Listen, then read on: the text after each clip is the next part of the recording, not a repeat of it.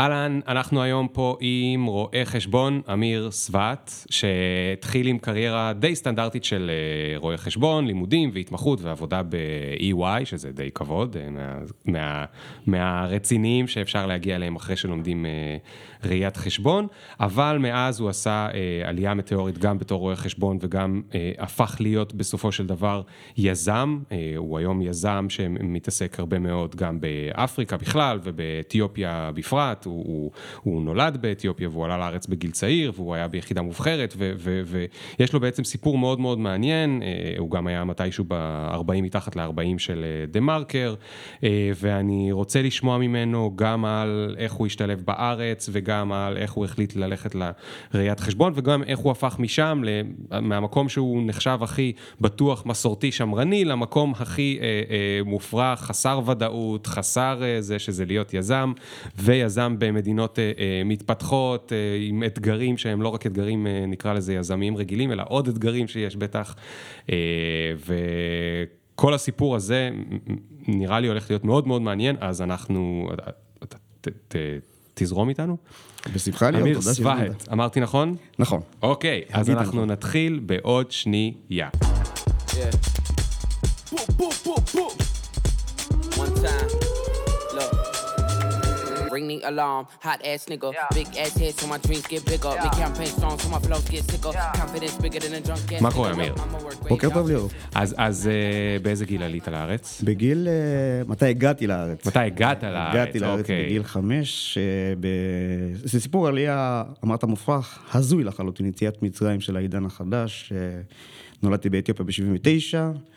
ב-84, תחילת 84, אבא שלי בא באיזה לילה אחד, אומר למשפחה, קומו, הולכים. לאן? הולכים. וואו. עכשיו, לפני כן היו רכשים על ירושלים, על ציון, אה, ובלילה אחד קמה כל המשפחה ועוד חצי מהכפר, והתחלנו ללכת אה, מערבה, לסודאן. הולכים? הולכים, חודשיים הליכה. הולכים. הייתה לכם איזושהי הדרכה? אמרו לכם איך אתם צריכים ללכת? היה מפה? היה משהו? בזמן אמת, בטח אני כילד לא, לא זוכר שהיה איזו הדרכה מסודרת או משהו בדיעבד, אחרי שחקרנו וכל אחד אה, בדק את סיפור העלייה שלו, ברור שהיה, שזה היה אה, מבצע מסובך אה, שהוביל אותו פעילים. יוצאי אתיופיה, פעילים של המוסד. כן. יוצאי אתיופיה שהגיעו מסודאן לאתיופיה, אז לא היה יחסים בין ישראל לאתיופיה. אה, ובטח ובטח לא בסודאן, זאת אומרת שהם כן. היו בסיפור אה, בדוי, בזהות בדויה באתיופיה. הגיעו לכפרים בצפון אתיופיה, זה האזור שגרו בו יוצאי אתיופיה באמהרה ובתיגראי, ואמרו, תתחילו לצעוד, לצעוד לכיוון סודאן. וואו. נפתח השביל, הדרך לישראל. את זה כמובן אמרו למנהיגים, לקייסים. כן, כן. למנהיגים, ואלה אה, אה, חלחלו את הבשורה בחשאיות אדירה. למשפחות. אבל גם, אבל גם הייתה ש, שנת 84, זאת אומרת, עוד אין אינטרנט, בקושי יש טלוויזיה, אין כלום, זאת אומרת, אתם צריכים להאמין עכשיו למשהו שסיפרו לכם, וזה כמו אגדה, נכון? זאת אומרת, אתם צריכים להאמין במאה אחוז, נכון. רק אמונה, שיש, שזה הכל עובד. אני חושב שנגעת פה, בהמשך אולי ניגע בזה בהמשך, על הסיפור של האמון, זה לא רק האמונה, אלא אמון בבני אדם. אלה שהגיעו לנו, אותם שליחים שהגיעו אלינו, זה בני הקהילה. אה, חלקם לא, אבא שלי לא הכיר אותם אישית, אבל הם ידעו שהם הבנים של. כן. זאת אומרת שכשמישהו בא לך out of the blue באמצע הלילה, בשושו, אומר לך, הדרך לירושלים נפתחה, תגיעו לאזור סודאן, לאזור הזה והזה, אתה נותן בו אמון, לוקח את המשפחה שלך, ילדים קטנים, מטורף. מבוגרים, ומתחיל ללכת, פיזית. מטורף, פיזית, מטורף. זה חודשיים של הליכה הזויה, כן? על פרדות, חמורים, בהמות מסע, באיזשהו שלב גם הם אה, נפרדו מאיתנו, כי הם פשוט מתו במדבר הסודני. וואו. אה, ואז מגיעים למחנה פליטים. רגע, רגע, שנייה, רגע לפני. אה, יש לי כל כך הרבה שאלות, אני מקווה שנספיק להגיע לגיל עשר, אבל תגיד, למה כל כך רציתם ללכת לירושלים? היה שם כל כך רע? לא, ממש לא.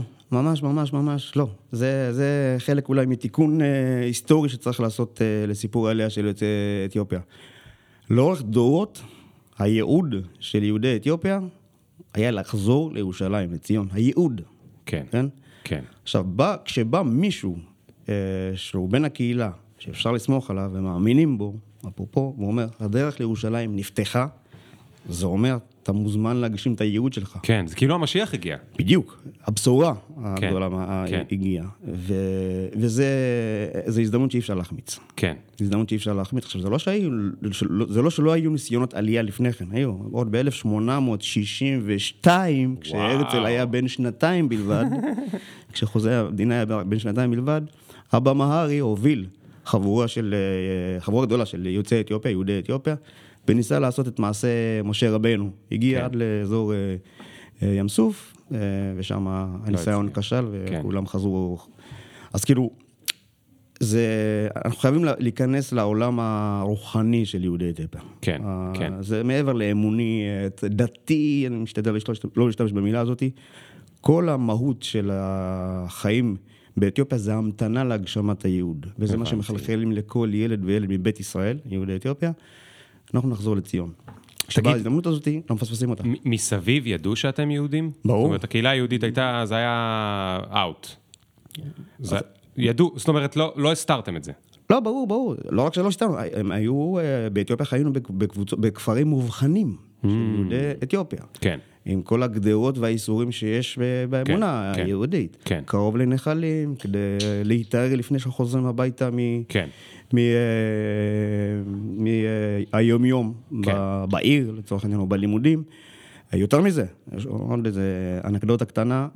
אה, הגלות באתיופיה, זאת הגלות היחידה שאני מכיר בכל אופן, אני לא היסטוריון, אבל כמה שבדקתי, זה באמת ייחודי.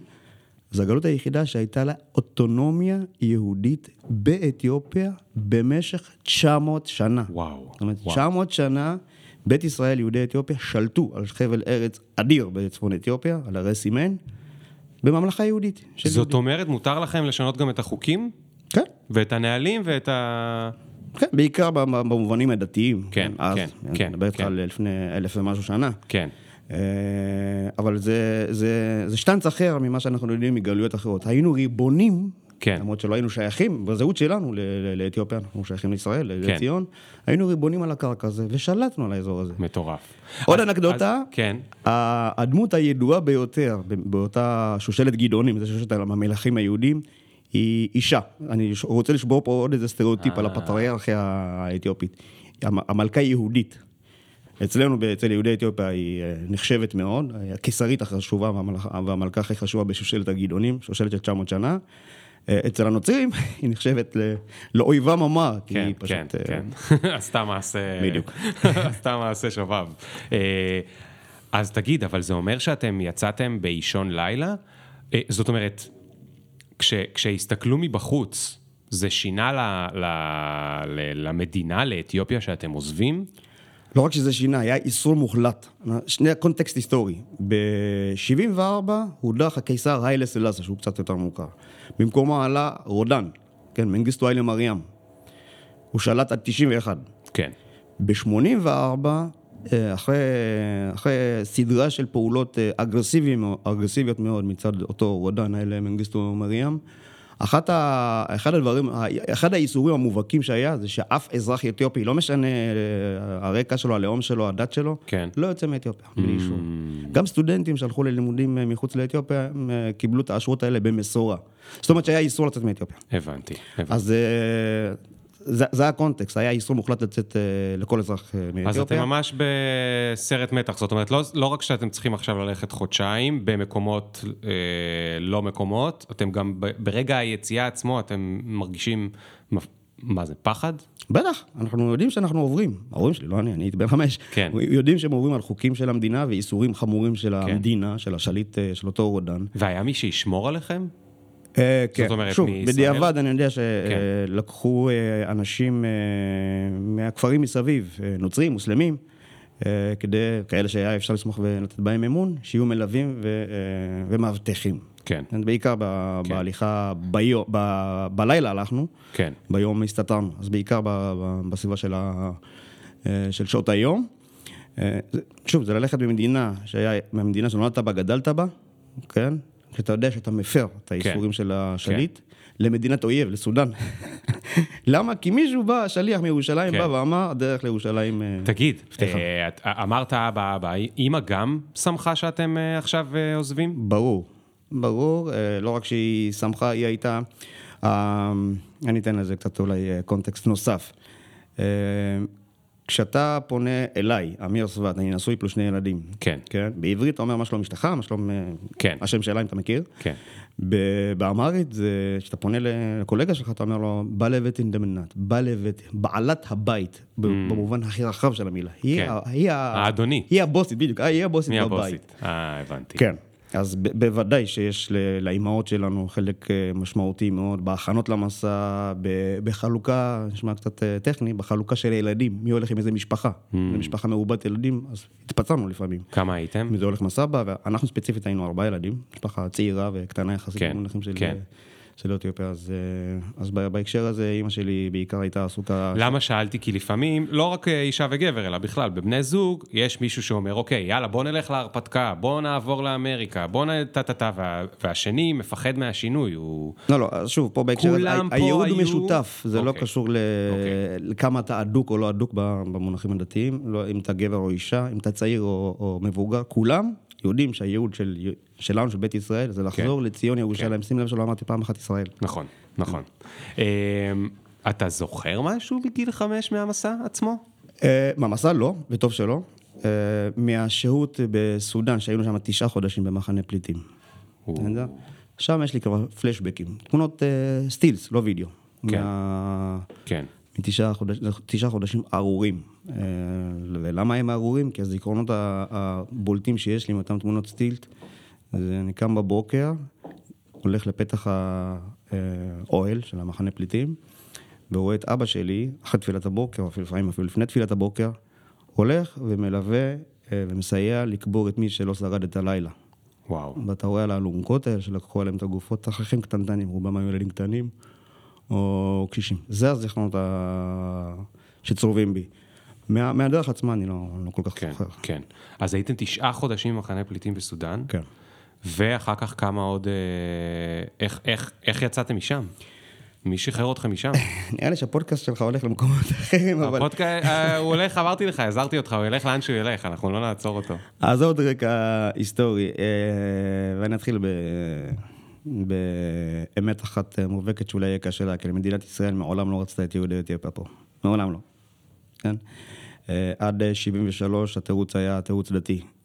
ספק יהודים, לא יהודים, כן יהודים, נה, נה.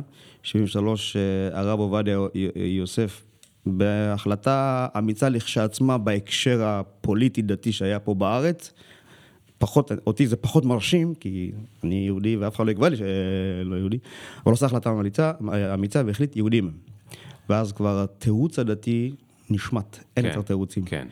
גם אז, רק ב-70, סוף שנות ה-70, אה, בלחץ של יהודי ארצות הברית בעיקר, כן, אה, מטעמיהם הם, אה, ובלחץ של פעילים אה, שהיו באתיופיה, ויהודי אתיופיה, בית ישראל, נקרא לזה מסתננים שחיו פה בארץ, אנקדוטה נוספת, אחות של סבא שלי, כן. כן, התחתנה עם מורי תימני, כן?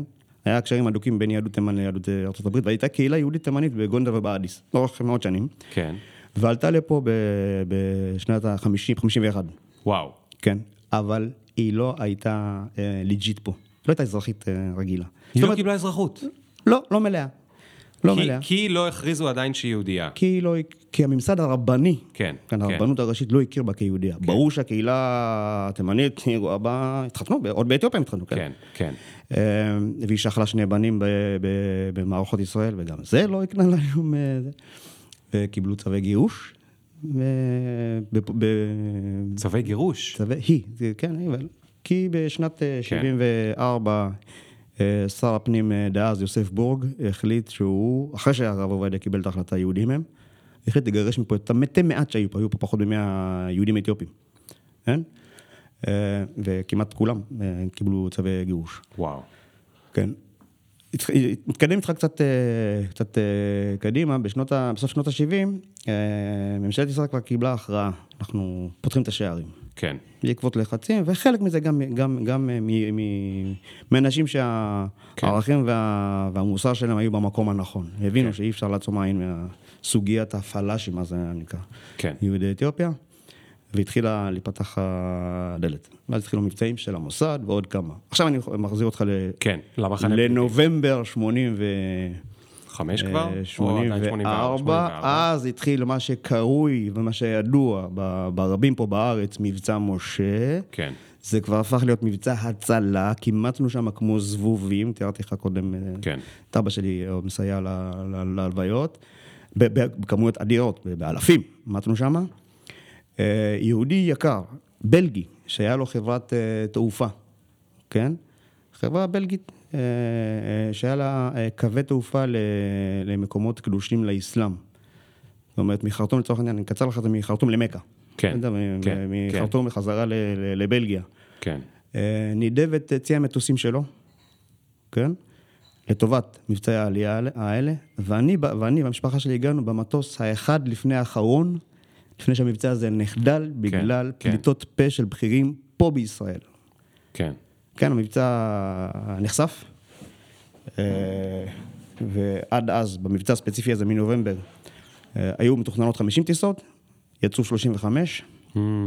אנחנו היינו בטיסה אז אם 34. היית בטיסה 38 כבר לא היית מגיע. בדיוק, אם הייתי בטיסה 36 לא הייתי מגיע. אנחנו היינו בטיסה 34, ומה קרה, קרה עם מי שנשאר שם? נתקעו שם, דוד שלי למשל נתקע שם, והוא חזר את all the way חזרה לכפר באתיופיה. הוא פשוט עשה את כל המסלול מסודאן, חזרה לכפר שלו וואו. ליד אה, גונדר. והוא נשאר באתיופיה?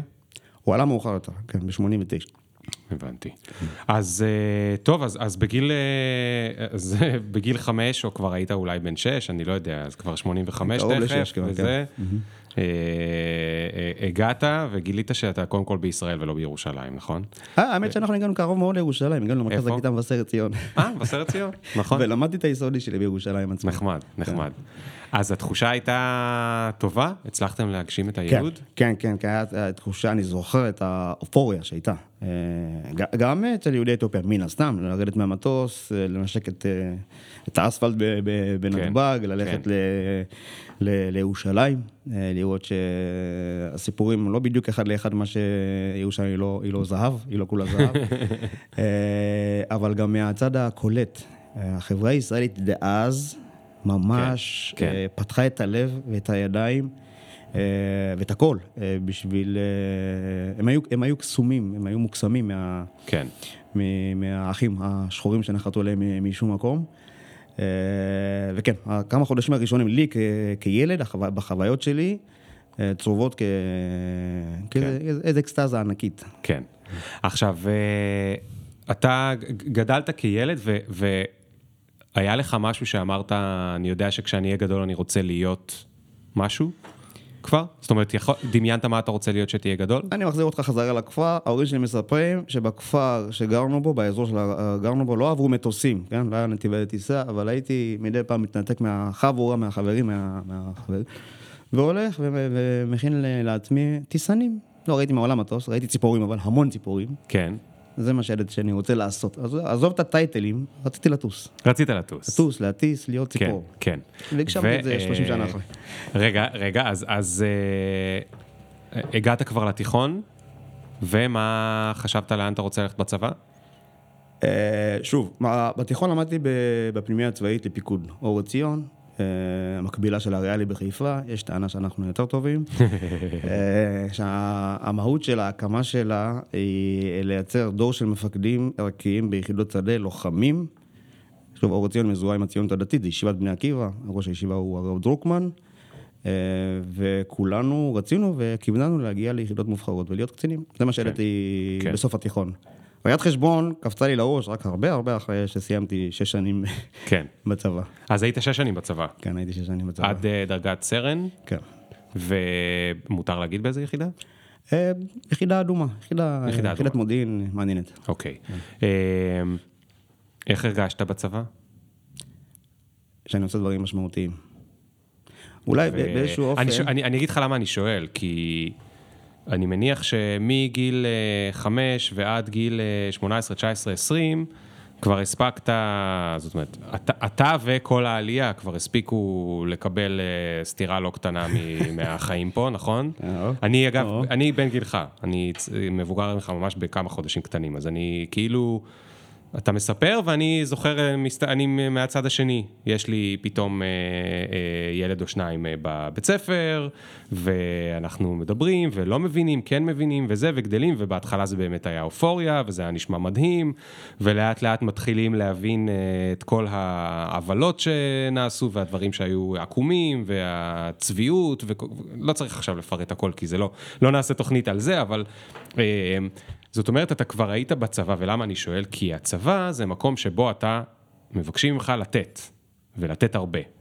ולפעמים קשה לתת הרבה כשאתה אומר, היי, מה זה, אתם זאת אומרת, יש לפעמים תחושות אה, אה, סותרות. אני רוצה לתת למקום הזה, אני מאמין במקום הזה, מצד שני, לא, לא היו בסדר איתי אה, בכל מיני מבחינות. אני לא רוצה להכניס לך מילים לפה, בגלל זה אני מגמגם. אז, אז שוב, אני לא רוצה באמת לקחת את הדיון הזה למקום אחר, אבל את הכאפה שלי קיבלתי ב-97, כשסיימתי את אור עציון, בנובמבר 97, סיימתי י"ב, אחרי מבחני בגרות, בגרות מוצלחת, פיזיקה, נה נה נה. אני לא, אני לא ארחיב על מה קרה לי ולמשפחה שלי, אבל איבדתי אח בנסיבות איומות, טרגיות, כן? למולך הגזענות, נקרא לזה ככה. עכשיו אני מחזיר אותך לשירות הצבאי. אחרי שהעולם שלי קרס, ההחלטה שלי, שים לב, הייתי בוגר אור עציון, כולי כבר שטוף בראש, כן, כן, כן. להגיע, כן. לשרת, יחידה מובחרת, טה-טה-טם, טה-טה-טם. ואז, אה, אני אגיד את זה במילים שלי, המדינה לקחה לי את האח. העולם קרס. שים לב את העוצמות של ההורים, שלנו, של הדור ההוא. אמרתי, אני לא מתגייס. וואו. 180 מעלות, לגמרי. לא, תשרף המדינה, אני לא מתגייס. לקחה לי את האח, אני אלך להגן על מי, ש... מי שלקח את האח זה כן. רשויות המדינה, בעיניי. כן. כן. בהורים שלי אמרו, לקחו אותי לשיחה צפופה, מה זה נקרא, בשלושים, בתוך השלושים. בשלושים ימי אבל. כן, אמרו, תגיד, מי אתה בכלל? מי אתה בכלל? עכשיו, שנינו אבלים, שני הצדדים. אז אחיך הוא הקרוב, הבן אדם הכי קרוב אליך, מת בנסיבות הרואיות. זה נשמע קשוח מאוד, אבל הוא אומר, אתה רוצה לשבור את שרשרת הייעוד?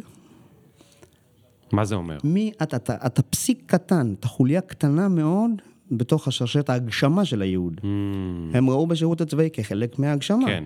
כחלק מהעיצוב. זאת אומרת, החברה והמדינה, או, ה, או הציונות, או whatever, זה הרבה יותר גדול ממך האינדיבידואל. בדיוק. אז מי אתה האינדיבידואל שעכשיו... אה, עכשיו, ההורים אבלים אומרים, מסתכלים לי בעיניים ואומרים, אתה... אה, עכשיו, לא כופים עליי כמובן, אני קצת כן, כן, מקצר כן, את זה בשביל, כן. לא אילוצי הזמנים פה, אבל אה, זה היה, זה היה שיחות ארוכות מאוד, גם איתם, גם עם החברים שלי, שהם כן. לא יוצאי אתיופיה, בוגרי אור עציון, כן. שהיו נבוכים מאוד ממה שקרה. כן. לקחו במרכאות סוג של אחריות. זה חברי נפש שלי, היינו 24-7. בפנימייה, וגם יוצאי אתיופיה, כן. בשכונה שגדלתי בה. ולקח לי כמה חודשים טובים לגבש, לחזור בי, אה, להחליט אה, כן להתגייס. וואו. ואחרי שהתגייסתי היו שש שנים מדהימות. כן. שש שנים שראיתי דברים מאוד, והייתי מעורב בדברים מאוד מעניינים ואסטרטגיים. כן, ובעצם אתה אומר שאפילו שהם לא היו שטופי מוח כמוך, והם ההורים של הילד, ועדיין הם היו מבחינה, אה, נקרא לזה מוסרית או רוחנית, במקום הרבה יותר גבוה, שאומר, אנחנו אינדיבידואלים ואנחנו אה, אה, לא באנו עכשיו לעשות איזושהי החלטה של דווקא, ואנחנו רוצים להמשיך את הדבר הזה. זאת אומרת, הם היו צריכים אה, להחזיק את עצמם מאוד. אה... באיזשהו אופן, אולי אני לא עופר כלפי ההורים שלי, אבל זה, שוב, זה התחושות שלי. הם איפשהו הם השלימו עם, אה, עם הקורבן הזה שהם נאלצים לשלם, בשביל כן. להיות עם האחים שלנו פה. כן. אני אז כבר לא הייתי מוכן. אבל, אבל בגלל מחשבה שזה כמו גורל? שזה או... בדיוק, שזה חלק מהמחיר okay. אוקיי. של הגשמת אה, חלום ירושלים. אוקיי. Okay. עכשיו, אני מדבר, ב, אני, אני מפרשן אותם, ברור שזה לא ככה. כן. אבל יש איזה, יש איזה מוטיב מאוד חשוב ב, ב, אצל יוצאי אתיופיה, זה המוטיב האמוני. עזוב אותי דת, האמוני. הם מאמינים כן? שכשדברים קורים, הם לא נעשים, הם לא קורים סתם. כן. וכל עוד הם נעולים על הגשמת הייעוד שלהם, זה חלק מאותה, מאותו גורל. כן. Uh, אני כמובן uh, פקפקתי בזה, אני לא, אני פשוט רואה את, כן, כן. הילד בן 18, עם כל הכבוד לזה שהייתי כן. ב, ב, ב, בישיבה עילית וכולי וכולי, איכויות גבוהות, עדיין, uh, שפטתי את זה במונחים של ילד, מה זה עכשיו אתה מדבר איתי על הגשמת יהודה? הילד מת, כן. לא, לקחה אותו המדינה, כן. למה שאני הולך להגן עליה? אני מסתכל על זה בניתוח יותר בתחתית טכני, ברור, ברור. והם הביאו לי פרספקטיבה הרבה יותר גדולה של מקרו, של לאום, של לחזור מהגלות לפה. וכן, זה פיפס קטן, אני קצת מקטין את פיפס קטן במחיר הזה. כן. אגב, היום אתה בטח שמח שהקשבת להם. כן, אבל לא מהשיקול התועלתני. כי אני חושב שאם הייתי הולך אה, לנתיב הזה של אה, לא מתגייס, ועכשיו אני אה, בועט במדינה, אני חושב שזה היה הולך לנתיב הרסני מאוד, גם כלפי הציבי, גם כלפי, כלפי ההורים שלי, המשפחה שלי, כן. החברה הישראלית בכלל. הייתי כן. מפ... ושוב, אני... יש אין ספור סיפורים, אני אתן לך עוד סיפור. היינו שישה בשכונה שגדלתי בה. שישה יוצאי אתיופיה, שניים מהם גאונים מאובחנים, אז היה נדיר מאוד. נשארנו שניים. מה זאת אומרת נשארנו שניים? עם אחד מהם אתה מדבר עכשיו, והשני נמצא בניו יורק. הוא בן של קייסים, כן? בשנת 2001, אחרי שהוא השתחרר, למד, ניסה להשתלב, בחור מוכשר. הוא לא מצא את עצמו פה. הוא לא מצא את עצמו פה בדיוק מהחסמים האלה שהזכרת קודם. אה, והוא עשה החלטה אה, מאוד קרה. אה, הוא אמר, אני לא ממשיך את החיים שלי פה, ובחר לרדת לניו יורק, והוא עושה שם חיל היום. כן. אמ, איפה הארבעה האחרים? מתו, כל אחד בנסיבות... שתיים התאבדו, שתיים נרצחו. וואו. כן. אה, אוקיי, אה, אחרי הצבא, אה, כבר ידעת מה אתה רוצה לעשות? בעצם גם יכולת גם להישאר בצבא בטח, לא? כן, אבל... ונשמע לי, אני מנחש שגם רצו שתישאר בצבא. כאילו, כן, בטח הציעו לך כל מיני הצעות טובות. על השש שנים שאתה נשוי לצבא ולמדינה כבר עשו את שלהם, הפכתי להיות כבר בצבע ירוק. והחלטתי שמספיק. כן. ומה אז? ידעת מה אתה רוצה לעשות? לא. ידעתי לא. שאני רוצה ללמוד, כן. כן. ללמוד, לאו לא דווקא במובן האקדמי, הפדגוגי, למרות שקפצתי כיתה, ויש לי יכולות לימודיות גבוהות וכולי, אבל לא, ללמוד, אני סקרן. כן, כן. קורא המון. אז מה הלכת ללמוד? אה, אמרתי, עשיתי שופינג באוניברסיטאות, בטכניון, באוניברסיטת תל אביב. אה, ידעתי שאני חזק בתחומים כאלה ריאליים, מעניין אותי אבל גם תחומים אחרים, הומניים.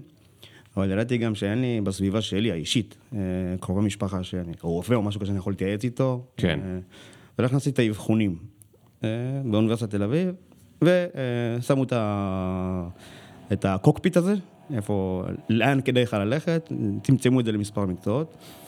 אה, והיה מקצוע אחד שלא לא, לא הכרתי, קצת, קצת, קצת התחלתי לחפור מה זה אומר. ראיית חשבון, אמרתי, זה יכול להיות שילוב מעניין, גם של כן. יכולות, כן. נקרא לזה ריאליות וגם... אנליטיות. אנליטיות, וגם, בעיקר, לתת משמעות למספרים האלה שאתה רואה. עכשיו, אז אני מדבר איתך בגיל, בגיל, אותו גיל צעיר, לא ידעתי אה, לבדוק את זה לעומק, מה המשמעות של זה מבחינת קריירה, פיתוח קריירה וכל כן. המילים הגדולות האלה. אבל אמרתי, אני הולך לשם כי אני לא מכיר. ננסה. והבנת את המסלול? כי זה מסלול גם אה, רציני, זאת אומרת, ארוך טווח. זה אולי אחד הדברים שמגנטו אותי, בגלל שהוא מאתגר. Mm. זה אולי אחד הדברים שממש ממש ממש מתג... אה, אמרו שקשה לסעוד משנה לשנה, בואו להתקבל לאיזה פירמה בביג פור, כל המילים האלה שרק התחלתי להיחשף אליהם. טוב, זה מעניין, אני הולך על זה, זה מאתגר. דווקא כדי, אה, כי אני אראה לכם שלא בעיה לשרוד. לעצמי, לא, לא, לא, לא לכם. כן, לעצמי. כן. אבל בסיפור שלך, כשאתה נגיד נמצא ברגע כזה שאתה אומר, אוקיי, אני אלך עכשיו למסלול שהוא שמונה שנים או שש שנים, שש נכון? שנים. זה שש שנים, ואחרי זה, לא, גם אחרי זה צריך להצליח להתברג למעלה, אחרת אתה נשאר, אה, לא כולם מתברגים למעלה, נכון?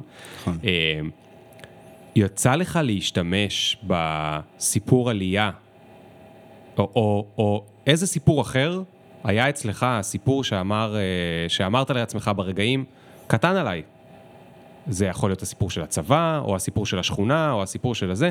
כי אתה יודע, לפעמים, כשאתה אומר, אלהיב אותי האתגר, הרבה פעמים אנשים שאומרים אלהיב אותי האתגר, זה אנשים שעשו אתגר אחר שהוא לפחות אותו דבר גדול, ואז הם אומרים, זה נראה לכם אתגר? בואו נראה. אז זהו, אתה, וואי, אתה נוגע בנקודה בול. יש את מבחני המועצה, מבחנים איומים ונוראים, כל אחד מהם בין 6 ל-8 שעות, כן? וואו. כן? ויש מה שנקרא שנת השלמה, אתה לומד שלוש שנים אקדמאיות, ועוד שנת השלמה, אז בזמנו, בתקופה שלי, היה אפשר גם אה, אה, לשלב בהתמחות. כן. בסוף אותה שנה, אתה גם עובד, גם לומד, ומחכים לך שני מבחנים אימתניים, זה הפחד של הרואה חשבון. עכשיו, אנחנו בקבוצות לימוד קטנות, יודע ששתיים, שלוש אה, חבר'ה, שמה נכנס בדיוק הסיפור של הפרופורציות. כן, כשכולם, וזה לא פייר כלפי הקולגות שלי, אבל, ומעולם לא ממש דיברתי איתם על זה, כשכולם, אני אגיד את זה בבוטות, התבכיינו על השעות אין ספור שהם צריכים לשבת, וריכוז גבוה, ולחוש, ולחפור, ולשאול, וזה וזה, וכולם בחרדות, אמיתי, כאילו, כן, זה כן. אמפתי. הייתי cool, ממש cool, כי אצלי בראש כבר ננעצה, נצרבה הפרופורציות בחיים. הייתי בסודאן, תשעה חודשים, כמעט מתנו, מתנו מרעב, עשינו את מסלול הקליטה וההשתלבות. איבדתי אח לפני כך וכך, שירות צבאי כך וכך, אתגרי החיים הם כאילו משמעותיים. עכשיו, זה לא מקום של, של שאננות או איזה בוז או משהו כזה. ברור, ממש, ברור, ביני, ברור. זה הכל ביני לבין עצמי. זה שיח כן, שהיה כן, כשניהלתי כן. ביני לבין עצמי. אז אם צריך לשבת עכשיו, משמונה בבוקר עד אחת בלילה, עם מעט הפסקות, ול, ול, ולחפור בתרגילים, אין ספור תרגילים. שוב, כל מבחן הוא... כן. כמה אז עושים את זה. כן. אני לא צריך, אה, אני שוב, אני לא מעביר ביקורת על מי שצריך, זה לא ריטלין ולא עניינים ולא זה, צריך קצת לשחרר את הראש, שם אה, מרכז קצר, נעלי ריצה, גופייה, הולך לרוץ, שחרר את הראש, מקבל drive חדש, אדרנלין חדש, חוזר, ממשיכים אה, ללמוד. כן. זו הייתה תקופה אינטנסיבית מאוד, מבחני המועצה הם פשוט, זה, זה, מבחן, זה מבחנים שהם ממיינים. מי שלא עובר את המבחני, המבח, שני המבחנים האלה, הסיכוי שלו לעבור אותם במועדים הבאים הולכים ויורדים, וזה זה אולי המכשול, המכשול הכי גדול של, כן, של רואי כן, חשבון. כן. אה, אז כן, פרופורציה היה לי, אז זה היתרון שבאתי איתו, אה, לעומת הקולגות שלי כן. הסטודנטים.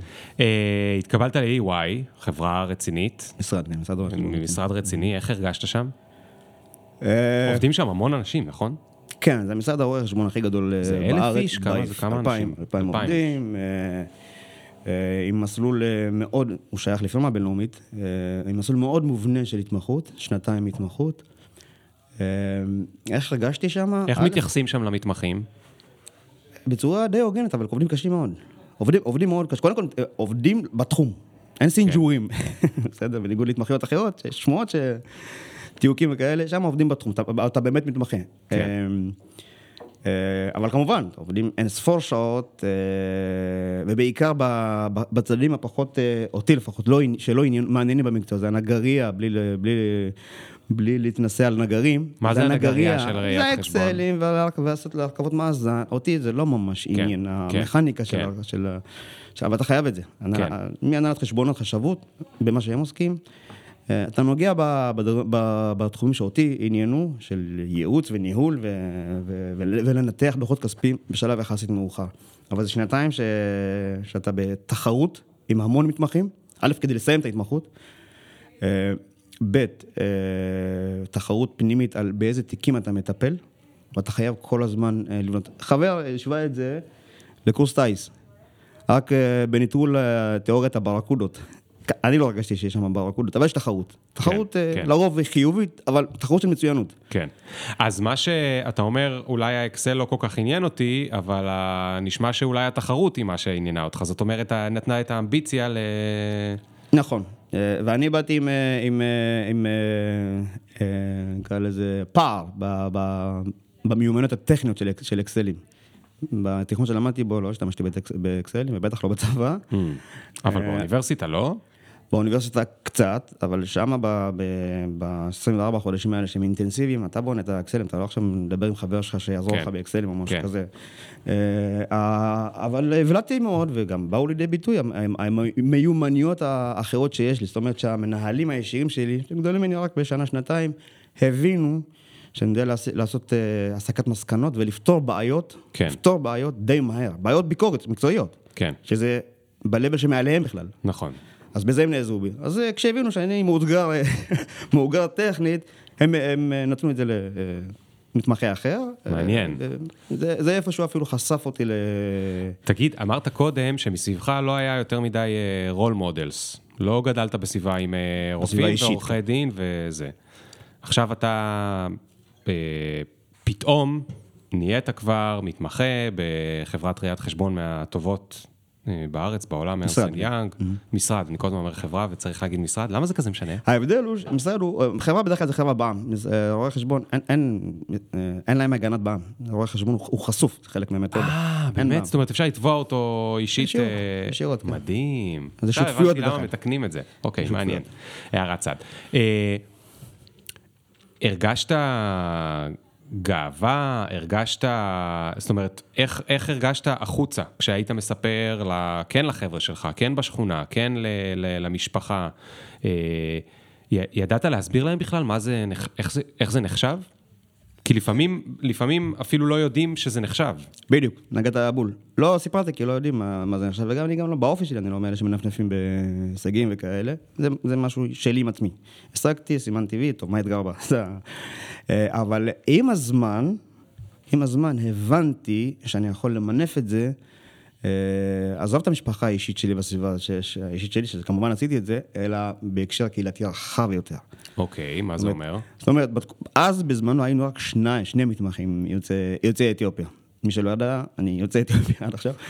שני, שני, שני מתמחים יוצאי אתיופיה. אה, למי בא- שהתחיל את הפרק מהאמצע. כן.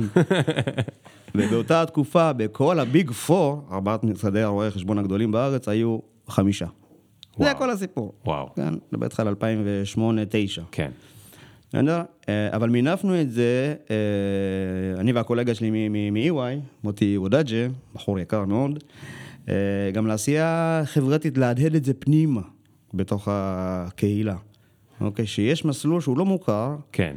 ומי שרוצה לשמוע עוד, שזה אומר שעכשיו אתם הפכתם להיות ה role models. אני פחות מתלהב מה, מה, מהמונחים האלה, role model ו...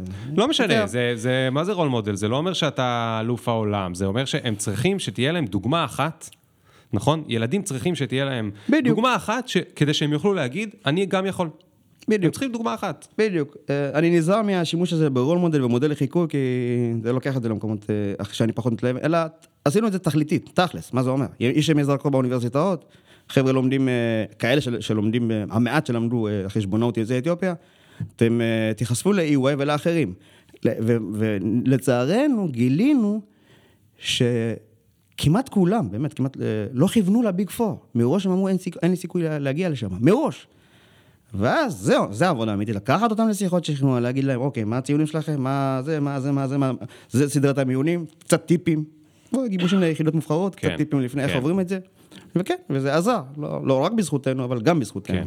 זאת אומרת, אה, אתה חושב שבגלל התפיסת ערך עצמי, הם עצרו את עצמם. בדיוק, בדיוק. הבנתי. שהיא, שהיא אינדיבידואלית להם, אבל לא רק להם. באמת, להגיע לביג פור זה, זה, זה משחק קשוח, משחק מאוד קשוח. כן. אה, במכללה למינהל מסיימים 300 אה, תלמידים, אה, סטודנטים דאז, מאות מהם מגיעים להם, מגיעים לביג פור. כן. ועל זה תוסיף את, ה, את מה שהחבר'ה האלה גדלו איתו. ב... כן. שאתה, שאתה נגעת בזה קודם, כן, של הערך. של הדחייה הזאת. כן. אה, אז כמה זמן היית ב- במשרד? סדר גודל של שמונה שנים. שמונה שנים, וגם בתוכה היה לי מעבר מעניין. את ההתמחות שלי התחלתי באשכול של תעשייה, קמעונאות ונדל"ן. בסדר? אה, שנתיים של התמחות, קשוחה מאוד, עברתי את המבחני המועצה בהצלחה רבה אפילו. אה, ואז אוקיי, מה האתגר הבא? באיזשהו שלב זה נהיה קצת אה, שבלוני, הסיפור הזה של אחרי ההתמחות. אז אתה ביקורת אחרי ביקורת, רבעון אחרי רבעון, הבנו את השטאנץ, הבנו מה זה ביקורת, הבנו, וטיפלתי בחברות ישראליות בלבד. זו נקודה כן. שחשובה כן. להגיד. אחרי שאתה מסיים את ההתמחות, יש איזה פרק, אה, איזה, איזה מיילסטון, שהוא רלוונטי לכל המתמחים. אתה מחליט, אתה מחליט להישאר, או מחליט לעזוב, חלק מהם המשרדים כבר מבינים שהם לא, לא יישארו, אז הם כבר מראים להם את, הדלת- החוצה מאוד באלגנטיות. לעזוב למשרד יותר לא. קטן, או לפתוח בעצמם? או כן, או להיות שכיר, להיות עוזר חשב, מה שמתאים כן. ל-level הזה, לנקודה הזאת בקריירה. אה, ואני אמרתי, אני לא מתכוון לעזוב את המשרד, אני הבנתי שאני אה, נמצא במקום שאני יכול להתפתח עוד הרבה, אבל מיציתי את הסיפור הזה של, של, של לעשות ביקורת לחברות ישראליות בתחומים הספציפיים האלה. היה, היה לי שותף נהדר, שזה לא טריוויאלי, שהוא מאפשר את זה. התחלתי לדבר איתו על, אה, על תחומי עניין נוספים במשרד, כן? בדרך כלל אה, זה לא טריוויאלי, אני עשיתי את זה די בנאיביות אפילו. לא טריוויאלי, זאת אומרת, איפה שאתה נתקע, אתה נתקע. לא, לא רק זה. במילים אחרות, אני אמרתי לו שאני חושב אולי שאני אעזוב אותו ואלך לאשכול אחר, למשהו אחר שהוא יותר מעניין. אה, והוא פרגן לך. בדרך כלל זה מביא לך שתי כאפות ותעזוב לגמרי או ש- שאתה נשאר אצלי. אני קצת אומר את זה כן, בגסות. כן. וכן, והוא פרגן לי בענק ועברתי לאשכול ההייטק. שהמתודולוגיה שלו היא בכלל מבוססת על US GAP, כן? מתודולוגיית אה, הביקורת, יש IFRS ויש אה, US GAP. תסביר זה תחום- בשתי מילים מה זה אומר.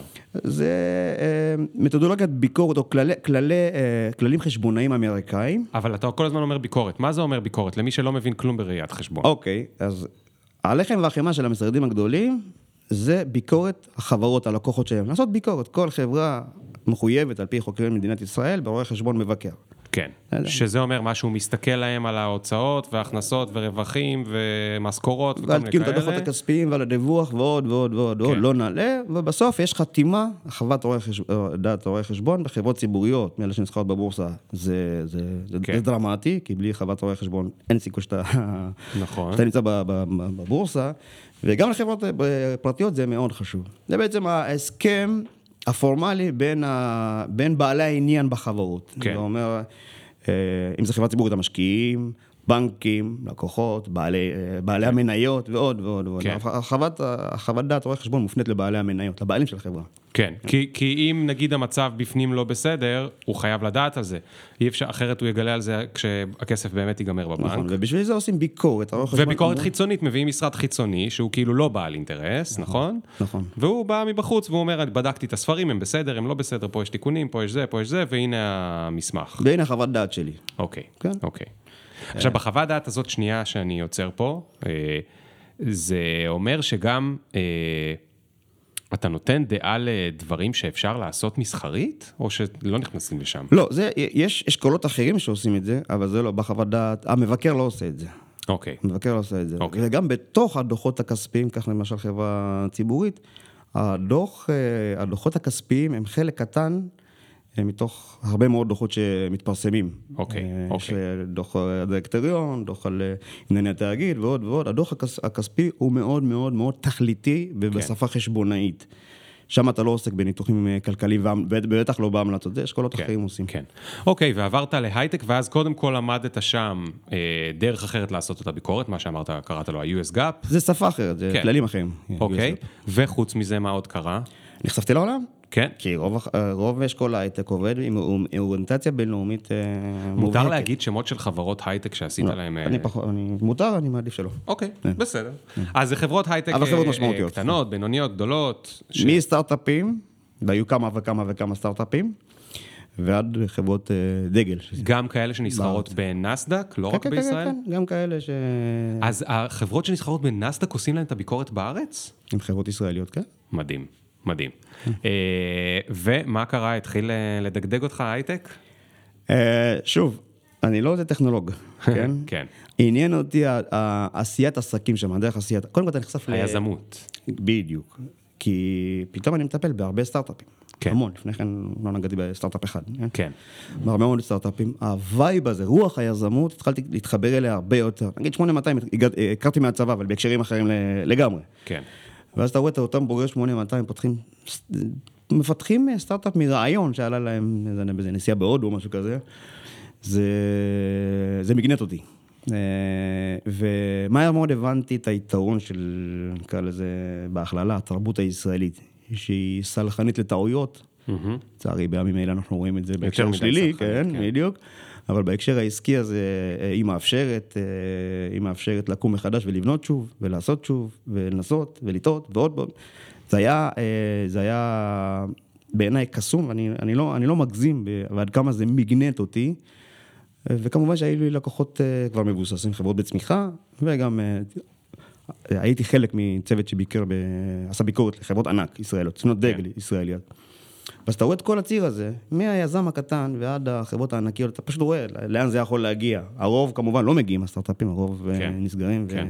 ואחד לעשר, אז היה, אה, אז היה סטטיסטיקות, ואתה נחשף לתרבות עשיית עסקים אחרת. ואני פה קצת אדבר בהכללות, אני משתדל מאוד לא- לא לעשות את זה, אבל אין לנו זמן, אז אני אתמצת נכון, את זה. אין מה לעשות. אם אם תעשה את ההבדל- כל האותיות הקטנות, זה ייקח ארבע שעות. ההבדל בין לעשות ביקורת לחברות ישראליות לבין לעשות ביקורת לחברות רב-לאומיות, בדגש על חברות שנמצאות באמריקה, זה הבדל תהומי מהפוזיציה של הרואה חשבון. ואני אשתמש פה באיזה שני, אה, אה, שני סייס. אה, הגישה, זה לא גישה מוצהרת, זה לא EY, אני לא עכשיו, ב- הגישה של, אה, הגישה הפנימית, שלי, אני אגיד, אני אגיד את זה ככה, שלי הייתה, כשאתה מטפל בלקוחות ישראל, על סמך הניסיון כבר, זה חשדהו חשדהו. הגישה שטיפלתי בה עם חברות אה, הייטק אה, ישראליות או לא ישראליות אה, בחוץ לארץ, זה היה כבדהו חשדהו. זאת אומרת שאם אתה מבקש מלקוח ישראלי XYZ, כמובן שוב זה הכללה, אבל אני מוכן לחטוף את האש על זה, אז היא שהוא ייתן לך את זה בצורה כנה, אמיתית, שקופה, ידווח לך אמת, יבק... ייתן לך את הראיות ביקורת שאתה דורש, בלי קונצים ו... ושטיקים, ולרוב זה לא ככה. לרוב, לרוב, לרוב, מהחוויות שלי, הם רואים, הם רואים אותך כנטל, הלקוחות הישראלים, כנטל. כן. יאללה, אני חייב כן. את זה כי הרגולטור אמר, נצמק כן, אתה מאט אותנו, אנחנו רוצים להתקדם, כן. עכשיו אני צריך לבזבז זמן עם הרואה חשבון. ו... אני עוד משלם לך ככה וככה, ואתם משרד גדול, כן. לעומת זה, הגישה, שוב, בהכללה האמריקאית, אתה, הם, הם בגישה של, אתה נותן ערך מוסף, אתה מציף אצלי מה לא עובד נכון, ואני יכול לתקן דרך זה. ולעבוד יותר נכון. לא בגלל שאני חייב את זה, כי כן. הסק, הרשות הניירות הערך האמריקאית מחייבת אותי, אלא כי זה באינטרס שלי לדעת שמשהו לא, שמשהו לא עובד, ובאינטרס לשתף איתך פעולה על מלא, כמו שאומרים היום. כן. אמ, וזה, וזה, וזה מעבר לה, להתנהגות בין, בין בני האדם, אה, לנכונות שלהם ולפתיחות שלהם ולנחמדות שלהם, למרות שאני יכול כן. להגיד שהרבה ממנה היא מזויפת, אבל נשאיר את זה. כן, זה סיפור אחר. אני אפסיק לסבך את עצמי פה. בסדר, אין הרבה אמריקאים שמקשיבים בינתיים. אמ, ומה, מתי אה, עברת צד? גם פה סיפור. אה, ב-2014 הגיע ל-EY ישראל, יושב ראש EY אתיופיה, אוקיי? כן. אתיופי מאתיופיה, הוא רואה כן. חשבון כן. אתיופי, הוא מנהל הסניף, הסניף המקומי של EY, בחור כריזמטי, אה, rockstar, אה, כמובן איש מקצוע מעולה. הוא בא לפה כדי לבדוק את סיפור ה start-up nation, כצעקתה. כן. יצא לי לפגוש אותו שם, הוא מספר סיפור הזוי על אתיופיה. בעיניי הזה עכשיו, הוא לא מחרטט, הוא רואה חשבון, כן? כן, כן. הוא מספר סיפור בדיות. מה הוא סיפר? על הכלכלה האתיופית, נתן סקירת מאקרו על הכלכלה האתיופית, איך היא מתפתחת, איך היא מתקדמת, על ההזדמנויות שיש שם, על זה שהם רוצים, אה, הם, זה השלטונות וגם אה, העסקים שם, אה, לשדרג את היכולות הטכנולוגיות שלהם, לפתח סצנת, סצנת הייטק מקומית ועוד ועוד ועוד ועוד. אני יושב שם וכאילו אני אומר, מה אתה מקשקש? לא, זה לא מה אתה מקשקש, אלא הוא חידש לי המון, כי עד אז חייתי בהוויה האישית המקומית שלי כיוצא כן. אתיופיה, שעלה לפה, כן. סיפורים מההורים, המשפחה, ממי שזכר את החיים מאתיופיה. בואו נספר לי פה שאתיופיה בעצם נס כלכלי. וואו. נס לא, אה, נס כלכלי שנבנה בתכנון. כן, הנס כן, הזה כן, נעשה כן, כ... כן. אז כשהסתיימה השיחה, אני אומר לו, אתה יכול לשלוח לי חומרים פנימיים, בסוף אנחנו אותה רשת. אני רוצה שנייה לראות מה... שלח, הבנתי שהסיפור הזה הוא לא רק, זה, זה, זה, זה מעט ממה שהוא סיפר. אמ, ואז התחלתי לגעת בזה פה בארץ, במסגרת EY ישראל, קצת התחלתי, הלכתי לדסק אפריקה ועוד כל מיני פרויקטים שהמשרד ליווה באתיופיה ובאפריקה בכלל, והבנתי שזה לא רק אתיופיה, זה אפריקה, זה אפריקה, זה היבשת הבאה. אה, אחרי עוד איזה שנה ומשהו של התלבטויות, של זה, החלטתי לעזוב. עכשיו שים לב, אני אחרי שמונה שנים כבר, נכון, כן, תפקיד מאוד מעניין, חממה, זה בית מקצועי שעד היום, אני בקשר איתם, יושב איתם אה, ועוד. וקראת את עצמך כדי להגיע לשם. נכון. ולשרוד שם ולשגשג שם. נכון, אבל אמרתי, אה, דבר כזה קורה אחת ל... שים לב איך הכל כאילו מסתדר. זה גם סגירת מעגל אישית בשבילי, וגם, וגם אתגר מקצועי. כן? הוא גם קצת יוצא מהקופסה השבלונית של ראיית חשבון וביקורת, אבל אני כבר, אני כבר לא ילד, אני נשוי, פלוס שתיים. מה. מה, מה היה לך בראש שאתה הולך לעשות? ביקשתי את העוקש של בעלת הבית, אם אתה זוכר. שיתפתי אותה. התלבטתי, מה אני הולך לעשות? אחרי שוב, זה אחרי שנה ומשהו שאני כבר נוגע במה שקשור כן. לאתיופיה ואפריקה. הייתי כמובן, נשארתי באשכול הייטק, נגיד 90% מהזמן שלי עסקתי בענייני, בעניינים, ניהלתי כבר צוות. ועוד עשרה אחוזים קצת בענייני אפריקה. אה, הבנתי שהמהלך שאני, שאני הולך לעשות, ידעתי, אני שם.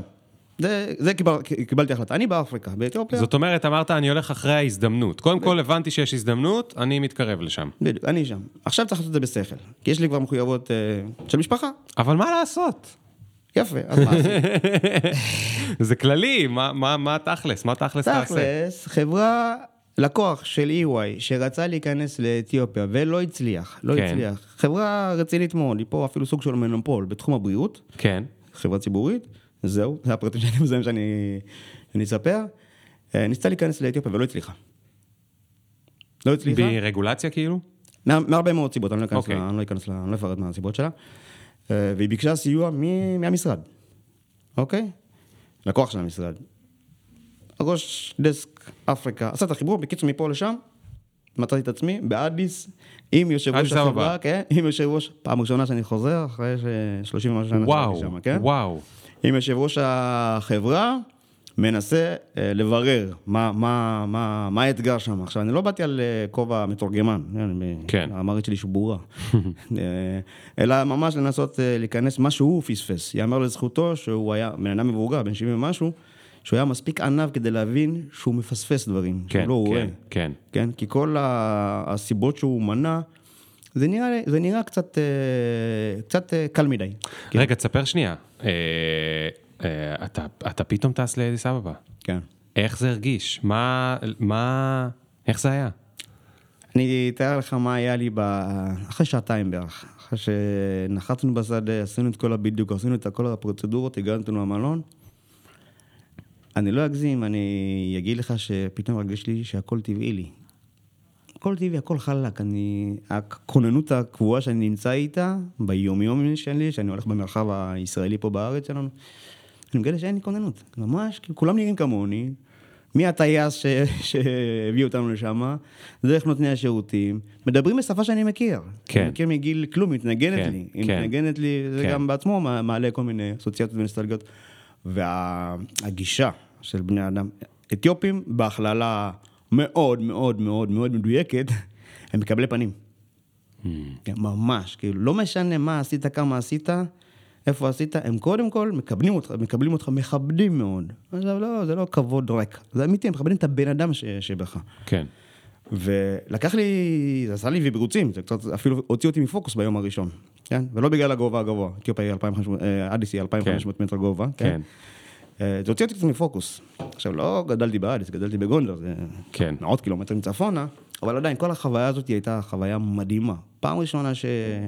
שאני מגיע למדינה שממנה ההורים שלי ואני אה, פרחנו למעשה, והכל מרגיש לי כל כך, כל כך, כל כך קסום. עכשיו אמרתי, טוב. שנייה, כפכפתי את עצמי, אמרתי, תתאפס על עצמך אחרי שנה, בוא, נסטלגיה וכאלה, תשמור לבית, יש עבודה, באנו לצורכי העבודה. לא, אבל תשמע, אי אפשר להתעלם מזה, כי, כי אתה כבר היית קצין, ואוקיי, לא, לא קראתי את זה עליך, אבל אני מהמר על כספי שגם היית קצין מצטיין, אוקיי? אתה לא חייב, ל... לא עושה שום תנועה עם הפנים, אבל כנראה מתישהו היית קצין מצטיין, לא יודע אם בקורס קצינים, או אחרי זה, מתישהו קיבלת איזשהו סמל. והתקבלת לחברת רואה חשבון הכי זה. משרד. ו... משרד, יואו, טוב, שיתבעו את החברה, אותי, אני בחברה, אני מוגן.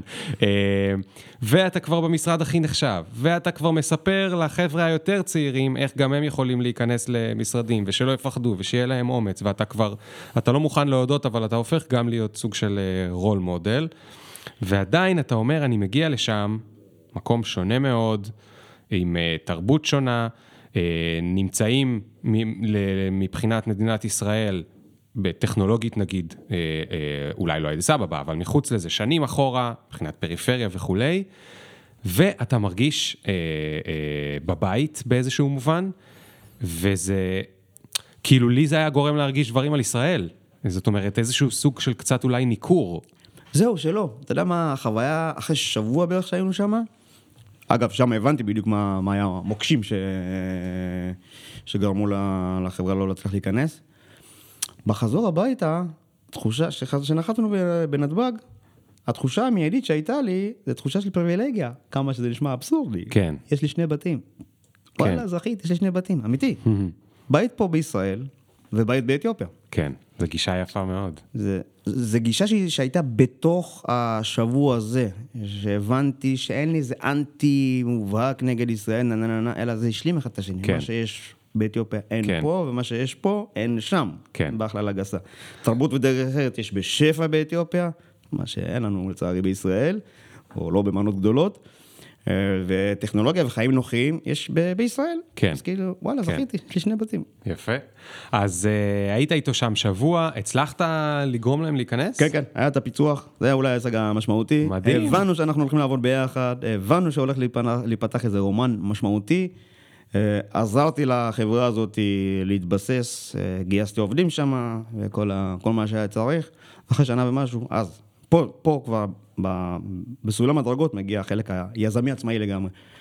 אה, בכיר במשרד הבריאות הישראלי פתח סטארט-אפ בתוך משרד הבריאות הישראלי, שנועד לשיתופי פעולה בינלאומיים. אוקיי. Okay. כן? הקמנו מסגרות אחרות, והוא אמר לי, טוב, אתה, אני מבקש שנעמוד ביחד. למה? איך הוא הכיר אותך? היינו במסגרות נוספות של התנדבויות, okay. בארגון מעוז ועוד, והוא אמר לי, אני רוצה שתעזור לי להיכנס לאפריקה. אפריקה זה... מקום גדול. זה 54 יבשות, מה זה כן. אפריקה? מהון להון הגענו לאיזשהו מיקוד על אתיופיה. שם היה היתרון המובהק שלי, למרות שעם החברה ההיא ש... שסיפרתי לך עליה, הייתי אחראי על אה, כל מזרח אפריקה. זאת אומרת, מדרום אפריקה שם הייתה חברת בת ועד אתיופיה, כן? בין אם זה באמצעות סוכנויות ובין אם זה באמצעות אה, מיזמים אחרים. אז יצא לי קצת להכיר מדינות נוספות באפריקה. כן. ואז הפכתי להיות עצמאי. הפכת להיות עצמאי. עצמאי לגמרי. שם אוקיי. זה באמת לצאת ללא נודע. כן. כן? וללא נודע, ועוד בשיתוף פעולה עם משרד ממשלתי.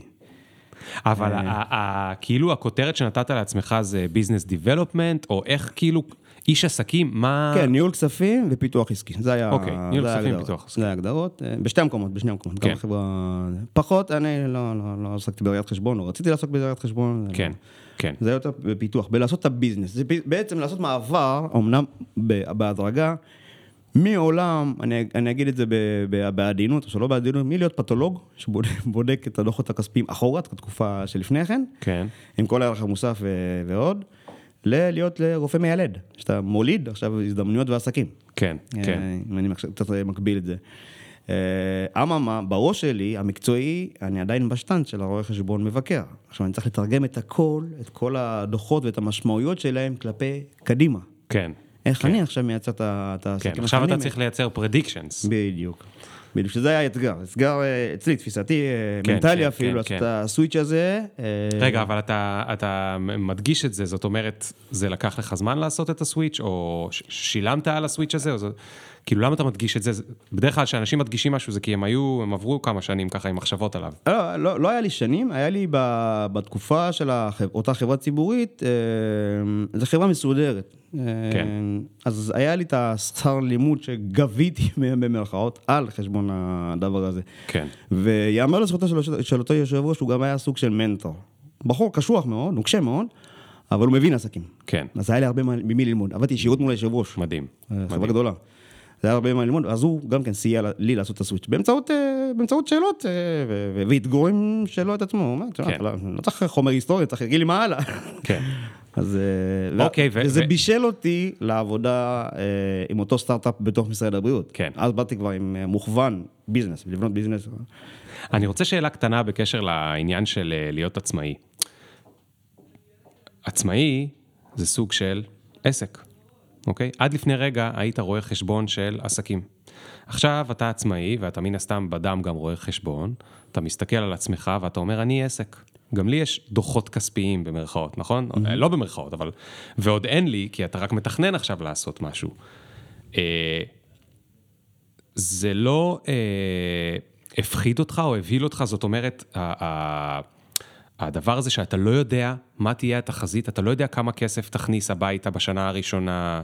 אתה מבין? החששות שיש לעצמאים, הרבה פעמים, עצמאים מתגברים עליהם מתוך תמימות. הם לא רואי חשבון, הם לא מבינים בכספים, אז הם פשוט נכנסים לזה ברבק ואומרים, יאללה, אני רוצה לעשות את הדבר הזה, ואחרי שנתיים רק הם מגלים שהם צריכים להבין בכספים. סליחה, זה היה הפוך, אתה כאילו מראש ידעת, אם אין פה משהו שהוא יודע לשלם את עצמו, אני לא אצליח לשרוד ככה. נכון. ולכן ברור שבחברה הציבורית זה היה מאוד נוח, היה לי תקציב משמעותי, טפו טפו גם תוגמלתי יפה ועוד. אה, כשיצאתי כעצמאי בטייטל, נקרא לזה הביורוקרטי, אז הגנתי על עצמי בזה שלקחתי רואה חשבון. אמרתי, חביבי, אתה, יש כאן הרבה נקודות עיוורון, אתה לא יכול... אה, לא נכון. אתה צריך שמישהו יסתכל עליך מבחוץ. אני בשוק. ולתת לך בראש, מה שנקרא. כן, כן. אותך, ואיזה, אם אתה מתנהל לא נכון, שכחת קבלה, או ש... מה שאני לא יכול לעשות את עצמי כרואה חשבון. אמרתי, כן. אני חייב מישהו ש...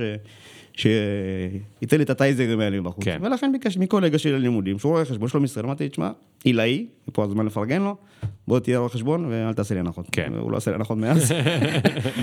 זה אחד. שתיים, ברור שגם כשיצאתי לדרך עצמאית אחרי אותה חברה ציבורית, אה, זה התקשרות עם משרד הבריאות.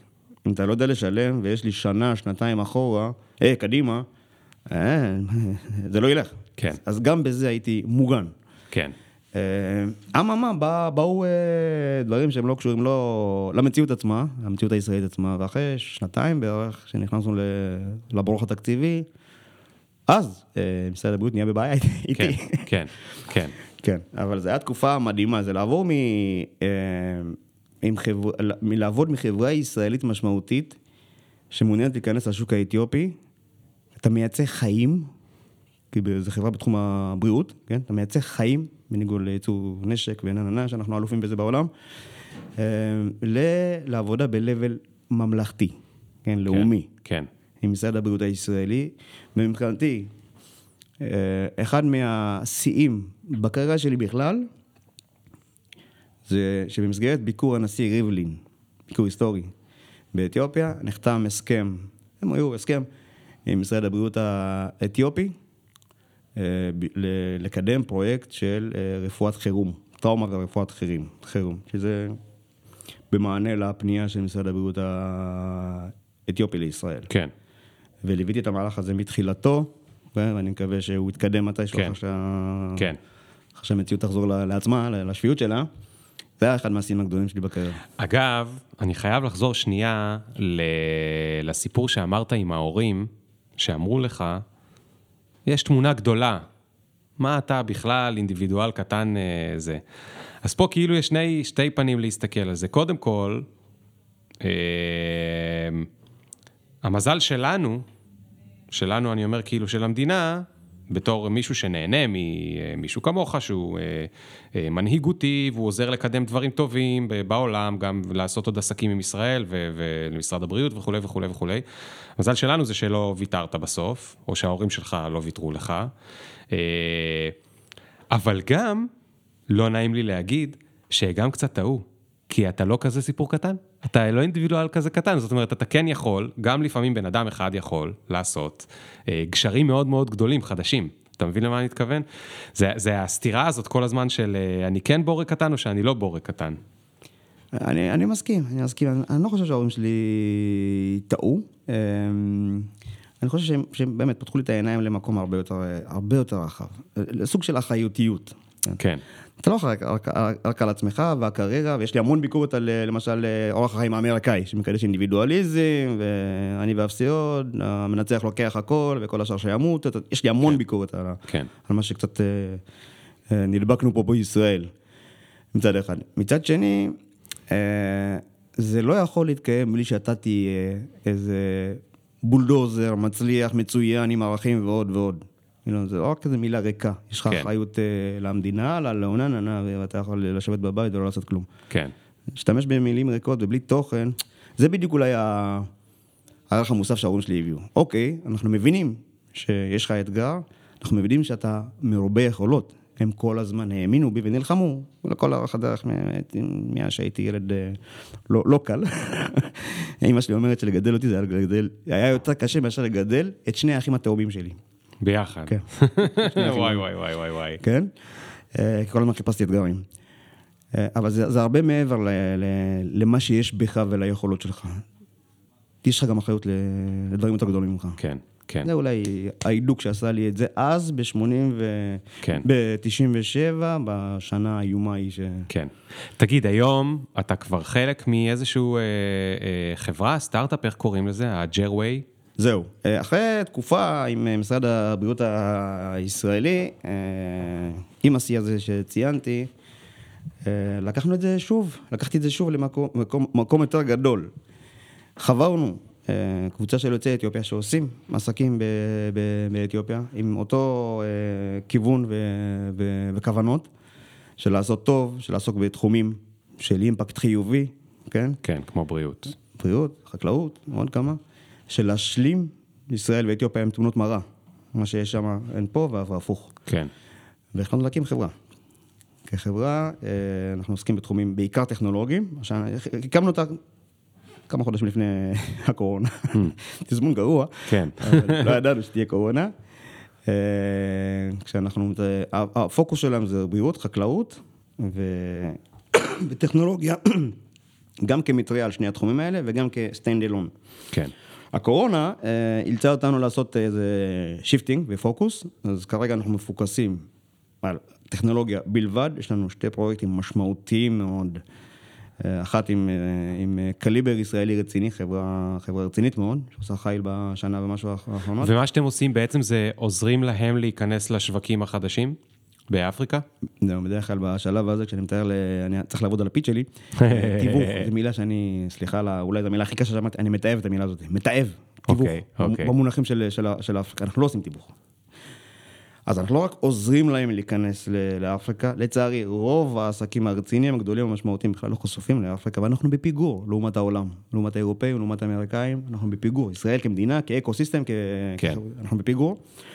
אנחנו לא רק עוזרים, אנחנו בפרונט, בין אם זה כאינטגרטור, ובין אם זה הם הספקים שלנו, הם זה החברות הישראליות. הבנתי. משתדלים מאוד לעבוד, נשמע קצת אולי מליצי ואפילו ארכאי מנותק, משתדלים לעבוד אה, כחול לבן, כן, ציוני. כאילו. כן.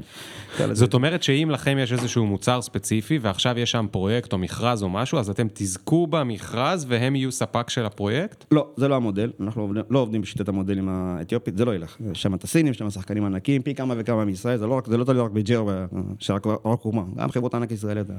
אנחנו לא במודל הזה, אנחנו יוזמים Mm. מזהים את הצורך, עושים עבודת סטאדי רצינית, יחד עם שותפים שלנו באתיופיה. חבר'ה כמונו שבאו, אה, היו כן. במדינות אה, אחרות וחזרו, שותפים שלנו, מזהים את הצורך הספציפי, מאתרים פה, עושים סינון משמעותי של מי שאנחנו, נשמע קצת יאיר, מוכנים לעבוד איתו, פה בארץ, ממש סינון.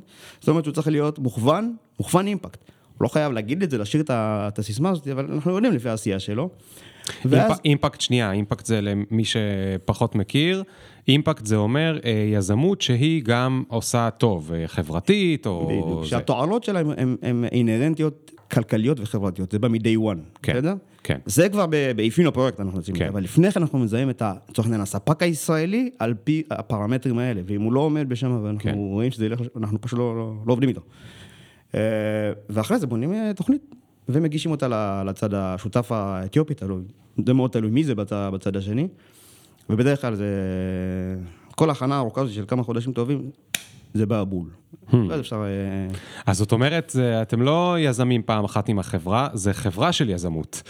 זה כל פרויקט כזה, זה יזמות משל עצמה.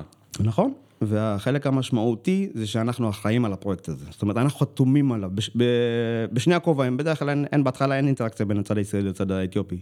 כן. אה, אבל הם יודעים שאנחנו אחראים עליו. משתמשים בביטוי גשר, אני, הגשר על פני המדינות. אני אמרתי גשר, כן. כן, לא, לא, אותך דווקא פספסתי, אבל אחרים משתמשים בזה, אני פחות מתלהב מהביטוי הזה. מה, מה, מה עושים על גשר? עוברים לצד שני. דורכים עליו, עוברים לצד השני. אז, אז איך אתה רוצה לקרוא לזה? אז uh, במלוא היהירות אני אגיד לך, אנחנו מפתח. וזה סיפור מפוספס, עוד סיפור מפוספס של יוצאי אתיופיה שגדלו וצמחו בארץ, שיכולים להיות מפתח ל, ל, לחברות עסקיות ישראליות כאלה, סיפרתי לך קודם על החברה הציבורית ההיא, שהוא נתקע, כמו ראש כן, בקיר, כן, לא, מצליח, כן, לא מבין כן, למה הוא לא מצליח כן. להיכנס ל, ל, לאתיופיה. ואז בא לו out of the blue איזה אמיר סבט אחד, במקרה רואה חשבון, לא באתי על קטע מתרגם. כן, כן. והבנתי מה היה שם, מה היה האירוע, מה, היו, מה היה החסמים, ופשוט... אה, סידרנו את החסמים. אבל הבנת, אתה בחור אינטליגנט, אבל אתה חושב שגם הוא כנראה בחור אינטליגנט. אתה הבנת בגלל שאתה מכיר יותר טוב את התרבות? זה גם וגם וגם, זה סט שלם של, של יתרונות שבאתי איתם. עכשיו, אין לי יתרונות ב... לא יודע מה, ב... ב-due diligence, בסדר? יש אשכולות אחרים, במשרדים אחרים אפילו, שיכול לקחת מהם. כן. אבל יש מכלול שלם של, של כן. יכולות, כן. שהוא זיהה את זה אצלי והפוך. כן. מי שעשה לנו את החיבור בתוך המשרד. מה, מה, מה שאתה אומר פה בעצם, אמרת אמירה מאוד מאוד גדולה, אמרת, יש עכשיו הזדמנות אדירה ליוצאי אתיופיה, אה, אה, מה זה יוצאי אתיופיה? זה היה מזמן. לאנשים, אה, אה, לאתיופים בארץ, להיות המפתחות לאפריקה. שיש הזדמנות גדולה בגלל שזה שוק שצומח בטירוף. והוא מוכרז כאחת ה... כאילו, תלוי את מי שואלים, אבל הרבה פעמים, היבשת הבאה, מקום שבו יהיה את הצמיחה הכי גדולה, אה, גם מבחינת אה, כמות אוכלוסין, שבמהירות תרצה לאמץ את האינטרנט, והרבה מאוד דברים שעוד, יש שם עוד הרבה פריפריה שתהפוך לעירונית. ואתה אומר, חבר'ה, זאת אומרת, אתה גם אומר להם דרך הזה, אתה אומר להם, חבר'ה, יש לכם פה הזדמנות של, אה, של פעם ב, נכון? לגמרי, לגמרי. אה, אני אתן עוד איזה שני אה, זוויות. יש מעט מאוד חברות ישראליות, סטארט-אפים טכנולוגיים, שמוכוונים מראש לעולם המתפתח, לא, לא רק אפריקה. בסדר? יש, אני מכיר שתיים כאלה. כן. ואין הרבה כאלה. כן. מראש מביאים, הלכו לאתיופיה, לקניה, לא משנה מה, חיו שם תקופה, הבינו שיש שם צורך, במקרה שיש להם גם רקע טכנולוגי, באו לארץ ופיתחו איזה מוצר או שירות שהוא מתאים להם. אבל גם חברות שהן לא, והלוואי ויהיו עוד כאלה, כי פשוט זה שוק, אני אגיד לך סוד. כסף לא חסר שם, זו לא הבעיה הגדולה באפריקה, זה העניין. יש שם אתגרים וחסרים ענקים, אבל זה לא, זה לא, אפשר לעשות שם המון המון המון המון. עכשיו, אבל גם חברות מבוססות, ולא משנה אם תעשייתיות או טכנולוגיות, יכולות לעשות אדפטציה, התאמה אה, לשירותים המוצרים שלהם לאפריקה. אני חושב כן. שהחסם המשמעותי, כן, ואני אגיד את זה בבוטות פה, mm-hmm. זה שאנחנו יורופ צנטרים, אנחנו מוכוונים, במדינת ישראל כן. היא מייצאת, כן. והקשרים העסקיים שלה זה בעיקר לאירופה וארצות הברית. רואים את זה, אגב, רואים את זה גם עם אסיה. שאסיה היא כבר, היא כנראה 10-20 שנה לפני אפריקה, זה אותו סיפור כנראה הולך להיות, יש שם טונה של כסף, טונה של הזדמנויות, ו- ואנחנו גדלנו על זה שהמרכז העולם זה רומא ופריז ולונדון, בדיוק. ואנחנו תקועים שם והרבה פעמים מפספסים איפה שיש פי 10, פי 100, פי 1,000 יותר אה, אה, ביזנס. זה אפילו צורב עוד יותר, כי זה כאילו אחד לאחד היכולות הישראליות לעומת הצרכים שם. תגיד לי, האמריקאים, מה איזה פתרון הטכנולוגיה הם צריכים אותנו בתחום החקלאות? הם לא יודעים לפתח בעצמם, יודע. כן. באפריקה, כל, איפה שלא תתערב בשרשרת ייצור המזון, או בשרשרת גידול הצמח, או לא משנה מה, עם טכנולוגיה ישראלית ההשפעה היא עצומה. ותחשוב כמה חברות כאלה יש לך באגטק, כן. וכמה חברות מדיקל יש, כן. וכל פתרון שלהם הוא רלוונטי. כן. מה שנשאר לעשות זה קודם כל להסיר את החסמים התודעתיים שלנו ולהבין שאפריקה היא שוק רציני מאוד, משמעותי מאוד, ולכוון אותו, לכוון את, את, את, את, את הביזנס לשם. כן. אה, אני, אני שמח שבארבע, חמש שנים האחרונות זה, זה קורה, זה קורה לאט לאט, בטיפין טיפין, בעיקר, כן, ובאופן כן. מפתיע דווקא מהצד של הממשלה והממסד, ש... מדהים. ש... שעושה את החיבורים האלה. טוב, אמיר, תשמע, זה היה ממש ממש מרתק. אפשר לשאול אותך מה אה, השם האתיופי שלך? יאלו. יאלו. יאלו היקר. אה, דווקא שם אה, קל יחסית. כן. אני, אני תמיד מפחד כי אני מפספס. גם אגב שבאים לי כל מיני אה, כאלה רבניקוביץ', אני שואל אותם לי איך אה, קוראים להם, כי אנשים רגישים לשמות לפעמים, אבל יאלו זה דווקא שם קל. יאלו. אז הרבה הרבה תודה ש... איך? המשמעות שלו היא כה אמר, יאלו היקר. אה. כה אמר, כן. נחמד, אז גם מתאים לך להיות יזם. אה, אבל לא, אתה צנוע מדי בשביל זה, אה, בשביל הכה אמר. אה, המון המון תודה על כל השיתוף הזה, ושבאמת היית אותנטי. הפחדת אותי לפני זה, וואלה, היית בסדר גמור. היה מאוד מאוד מעניין, גם סיפרת על שוק שאנחנו פחות מכירים, ובכלל לא דיברנו עליו אף פעם פה בפודקאסט, שזה סימן שאתה ממש צודק. אה, וסיפרת לנו הרבה על החיים האישיים שלך, ואני חושב שזה אה, מרתק וגם חשוב אה, להכיר יותר ולהבין.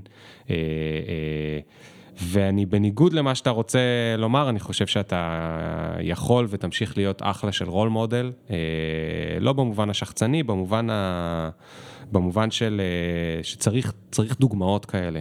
ואני חושב אתה לא רק רול מודל בקהילה האתיופית. זאת אומרת, כמות האנשים שעכשיו מקשיבים ואומרים, היי, hey, למה אני מבין שיש איזו הזדמנות באסיה, או בוואטאבר, למה אני לא הולך ואשכרה אומר, אני אעשה עם זה משהו וינסה לדחוף לשם ויעזוב אחר כך את העבודה ויעשה את הדבר הזה, למרות שאני רוצה, הוא עצום. אז רול uh, מודל בהרבה בחינות. Uh, זהו, נעמת לי מאוד, היה כיף. ותודה שבאת. תודה רבה ליאור, היה ממש ממש ממש כיף. ויאללה. אה, תודה לכל מי שהקשיב, אה, אנחנו מתקדמים בצעדי ענק לכיוון פרק 200. אני מזכיר לכם את מה שאני אף פעם לא מזכיר לכם, אז אני אזכיר לכם כאילו שאני תמיד מזכיר לכם. אה, אם אתם בטעות נמצאים בספוטיפיי או אפל פודקאסט או whatever ובא לכם, אז תעשו... review או חמישה כוכבים או כל מיני דברים כאלה שאומרים תמיד בסוף של פודקאסטים, אני לא מבין בהם, אבל תלחצו שם על משהו שיגרום לעוד אנשים להכיר את הפודקאסט ואז הקהילה שלנו תגדל. וזהו, עד הפעם הבאה, יאללה, ביי.